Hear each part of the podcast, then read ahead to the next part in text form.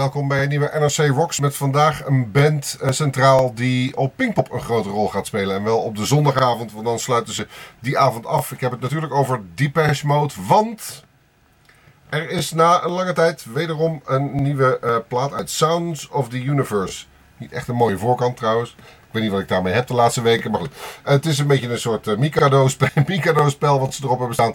Uh, Sounds of the Universe heet die. Uh, er staan 13 volledig nieuwe Depeche Mode songs op. En nou, laat ik maar meteen met de deur in huis vallen. Ik vind het een lekkere Depeche Mode plaat. Hij is niet zo zwaar als, als, als bijvoorbeeld een Playing the Angel of zo. Maar nou, daar kom ik zo op terug. Even voor de mensen die nog nooit lijkt me sterk, maar die nog nooit iets van Depeche Mode hebben gehoord. Uh, in 1980 uh, uh, richtten een aantal vrienden een, eh, een bandje op in Basildon in, eh, in Engeland. En die maakte een soort ja, eh, elektronica. Dat kwam toen net in. Synthesizers deden het net. Die kon je aan elkaar koppelen. En dan kon je effectapparatuur tussen hangen. En dan maakten dingen gekke geluiden. En drumcomputers die waren net uit. Die waren nog heel groot. Sterker nog, uh, waar ze mee begonnen waren tape loops. Dus het was gewoon een, een bandrecorder met twee van die. Ja, die ken je misschien nog wel. Hoe gaat dat zo? Nou, die tegen elkaar indraaiende dingen. De een loopt af en de ander loopt op. En daar hadden ze gewoon een loop van gemaakt. En hadden ze, konden ze uh, op, laten we zeggen, 124 beats per minute. Legden ze die erop. Hoppakee die rol. En dan kreeg je 124 beats per minute. Uh, zo begonnen deze pioniers van de elektronica pop een beentje. Martin Gore, Andrew Fletcher en later ook David Gahan en Vince Clarke. Uh, Vince Clark, die we later nog terugzien in uh, bandjes als uh, Yazoo en Erasure, maakt één plaat met die Mode, maar houdt het dan voor gezien. Hoe en het waarom is mij niet helemaal duidelijk, maar goed, hij, hij gaat wat anders doen. Blijven de, de drie harde kernmannen over: Martin Gordis, Andrew Fletcher en Dave Gahan. Martin Gore, eigenlijk het. het liedjesschrijfgenie van het stel. Dave Gahan, de performer en, frontman. En Andrew Fletcher, de man die eigenlijk alles, daar, alles daaromheen. De soort lijm tussen die twee. Um, in 1979 hadden zij al een bandje, dat heette dus French Look. Vanaf 1980 hebben ze dat omgedoopt in Depeche Mode. En als jij je nou ook altijd hebt afgevraagd, Depeche Mode. Leuk, Depeche Mode, dat moet uit het Frans komen. Komt ook inderdaad uit het Frans. Het is eigenlijk een mode-nieuws-update. La Depeche Mode, dat wil zeggen update, nieuws, mode-nieuws. Nou ja, goed, je kunt je bandje er maar naar vernoemen. Um, in 1981 kwam dus die Speak and Spell uit waar uh, uh, Vince Clark nog aan meedoet. En die is daarna pleiten. Dan in 1982 kregen we A Broken Frame. Um, een plaat die ik toen in ieder geval al in handen kreeg op vinyl van mijn buurjongen Ron. Dankjewel nog daarvoor. Maar het duurde eigenlijk tot 1984 zo'n beetje voordat dit uitkwam. En Europa kennis nam van dat rare elektronica stel uit Engeland. People are people.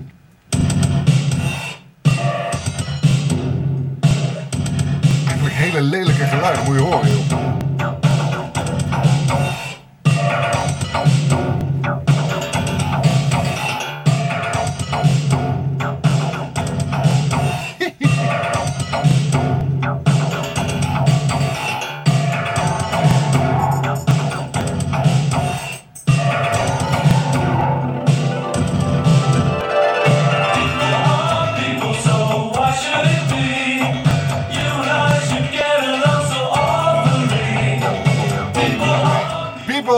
Dus uh, 1984 was dat.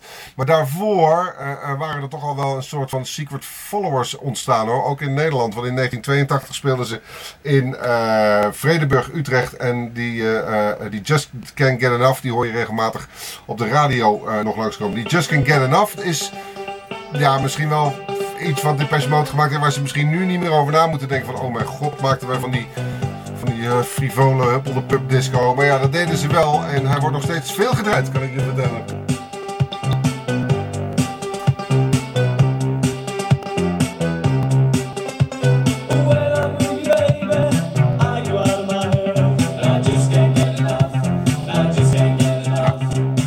zeggen, het is niet de Depeche Mode die ik, uh, uh, die bij mij op mijn, in mijn trommelverlies gegraveerd staat. Want dat kwam allemaal veel later. Ehm, eigenlijk pas vanaf 1990 toen het album Violator uitkwam. En Dave Gahan, lullig om te zeggen, maar eigenlijk overal aan allerlei gezellige middelen hing. Dus aan de steroïden die hij openlijk spoot en, en aan de, de, heroïne volgens mij ook. Van alles en nog wat. En dan klinkt um, die Mode toch in één keer wel heel anders daarna, vanaf die periode. En dan wordt het allemaal wat zwaarder en dan wordt het allemaal eh, eh, eh, wat heftiger. Luister naar deze Personal Jesus bijvoorbeeld.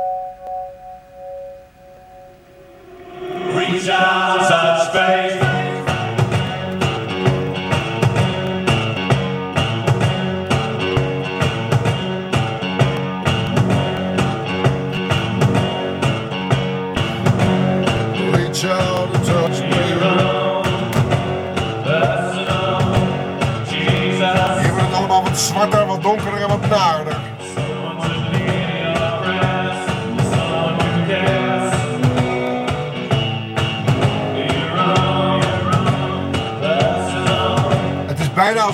eens meer elektronisch is. Dat is het natuurlijk wel, want daar staat Depeche Mode onbekend. Maar ehm, het is niet voor niks dat deze, deze Personal Jesus en gecoverd wordt door Johnny Cash bijvoorbeeld, door Marilyn Manson. Want het heeft iets... Ja, de Man in Black natuurlijk en Marilyn Manson. Dat die hiervoor vallen, snap ik wel. Ik val er ook wel voor als een blok hoor.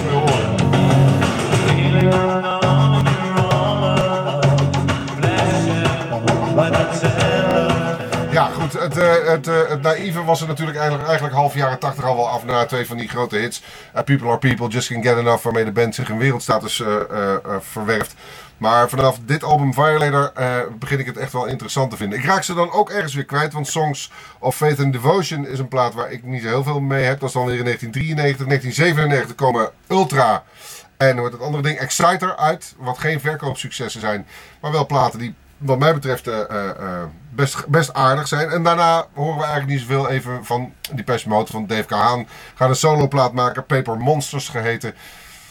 Nou, daar ga ik het niet over hebben. En Martin Gore heeft solo dingen gedaan. En Andrew Fletcher heeft een, een, een- die richtte een platenlabel op. En het duurde eventjes voordat Depeche Mode terugkwam, maar wel weer snoeihard terugkwam. Want ehm, met eh, ehm, eh, Playing the Angel maakten ze een hele zware, ja, moeilijke, moeilijke, moeilijke, lekkere, moeilijke plaat. Eh, Martin Gore had zijn, zijn, ehm, zijn scheiding net achter de rug. En eh, eh, eh, er valt een poes. Doe eens niet, ik ben aan het werk. Er valt een poes van een ding af. Ehm Martin Gore, net, net gescheiden. eh, eh, een ode aan zijn kinderen staat op die plaat. Een ingewikkelde, ingewikkelde plaat. En eigenlijk in de tussentijd, want dat vergeet ik te zeggen, vanaf 394. eh eh, Anton Corbijn is vanaf half jaren 80 natuurlijk betrokken bij de band. Maakt clips voor ze, maakt al hun foto's en gaan ze maar door. Dus het is een band die, die zijn, zijn, ehm, eh, zijn status als, als wereldband absoluut gevestigd heeft. En is ook nooit weg geweest van de podia eigenlijk. Misschien een jaartje ergens niet. Maar ze hebben altijd overal op festivals gestaan. Eh, zo ook vanaf 2005. Toen begon het allemaal weer, eh, weer opnieuw. Ehm, en ehm, het, nu is het 2009 en zitten we met deze plaat. Sounds of the Universe heet die van Depeche Mode. En er staan een paar eh, te gekke dingen op. Maar echt te gekke dingen. Deze Hole to Feed bijvoorbeeld.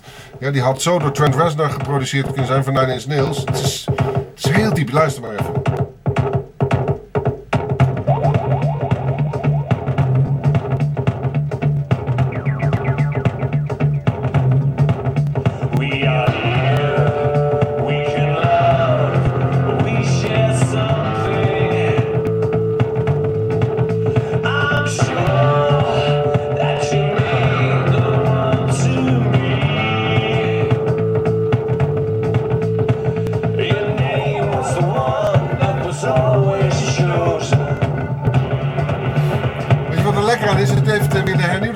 Eh, van die Playing the Angel was een zware plaat. Is, hier zitten ook zware dingen, eh, staan zware dingen op. Maar het heeft ook weer meer lucht of zo. Het is ook weer een plaat waarvan ik erg naar uitkijk hoe ze dat straks gaan doen op het podium bij Pinkpop. Hold to Feet hoorde je. Deze Jezebel is misschien wel het voorbeeld van... Als je dit met gitaar zou doen en met drums... Hoor maar, het is een bossa nova. Als je met gitaar zou doen en zo zou zingen... Er zitten een paar overgangen in dat je... Dit kan niet. Dit is gewoon op een, op een, op een. Maar zo klinkt het wel weer te gek. Jezebel. They call you Jezebel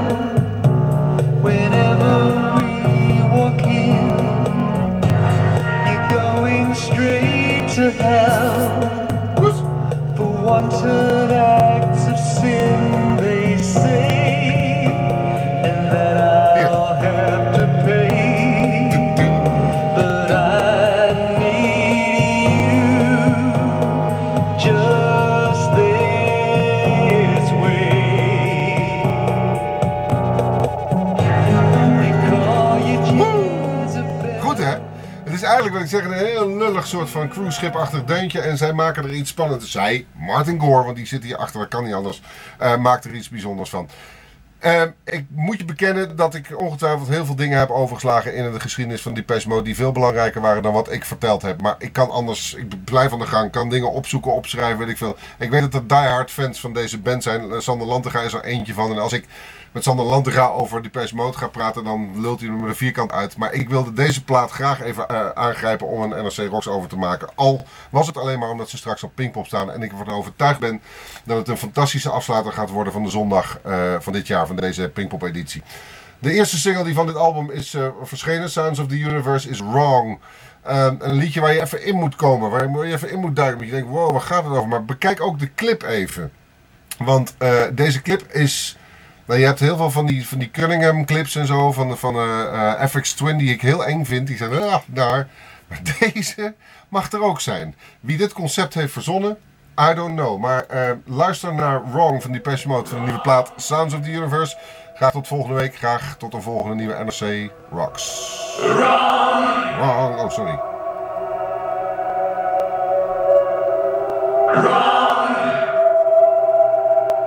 Zo, doe de lampen maar weer eens uit. Even kijken hoe het met die kat is. Ciao. I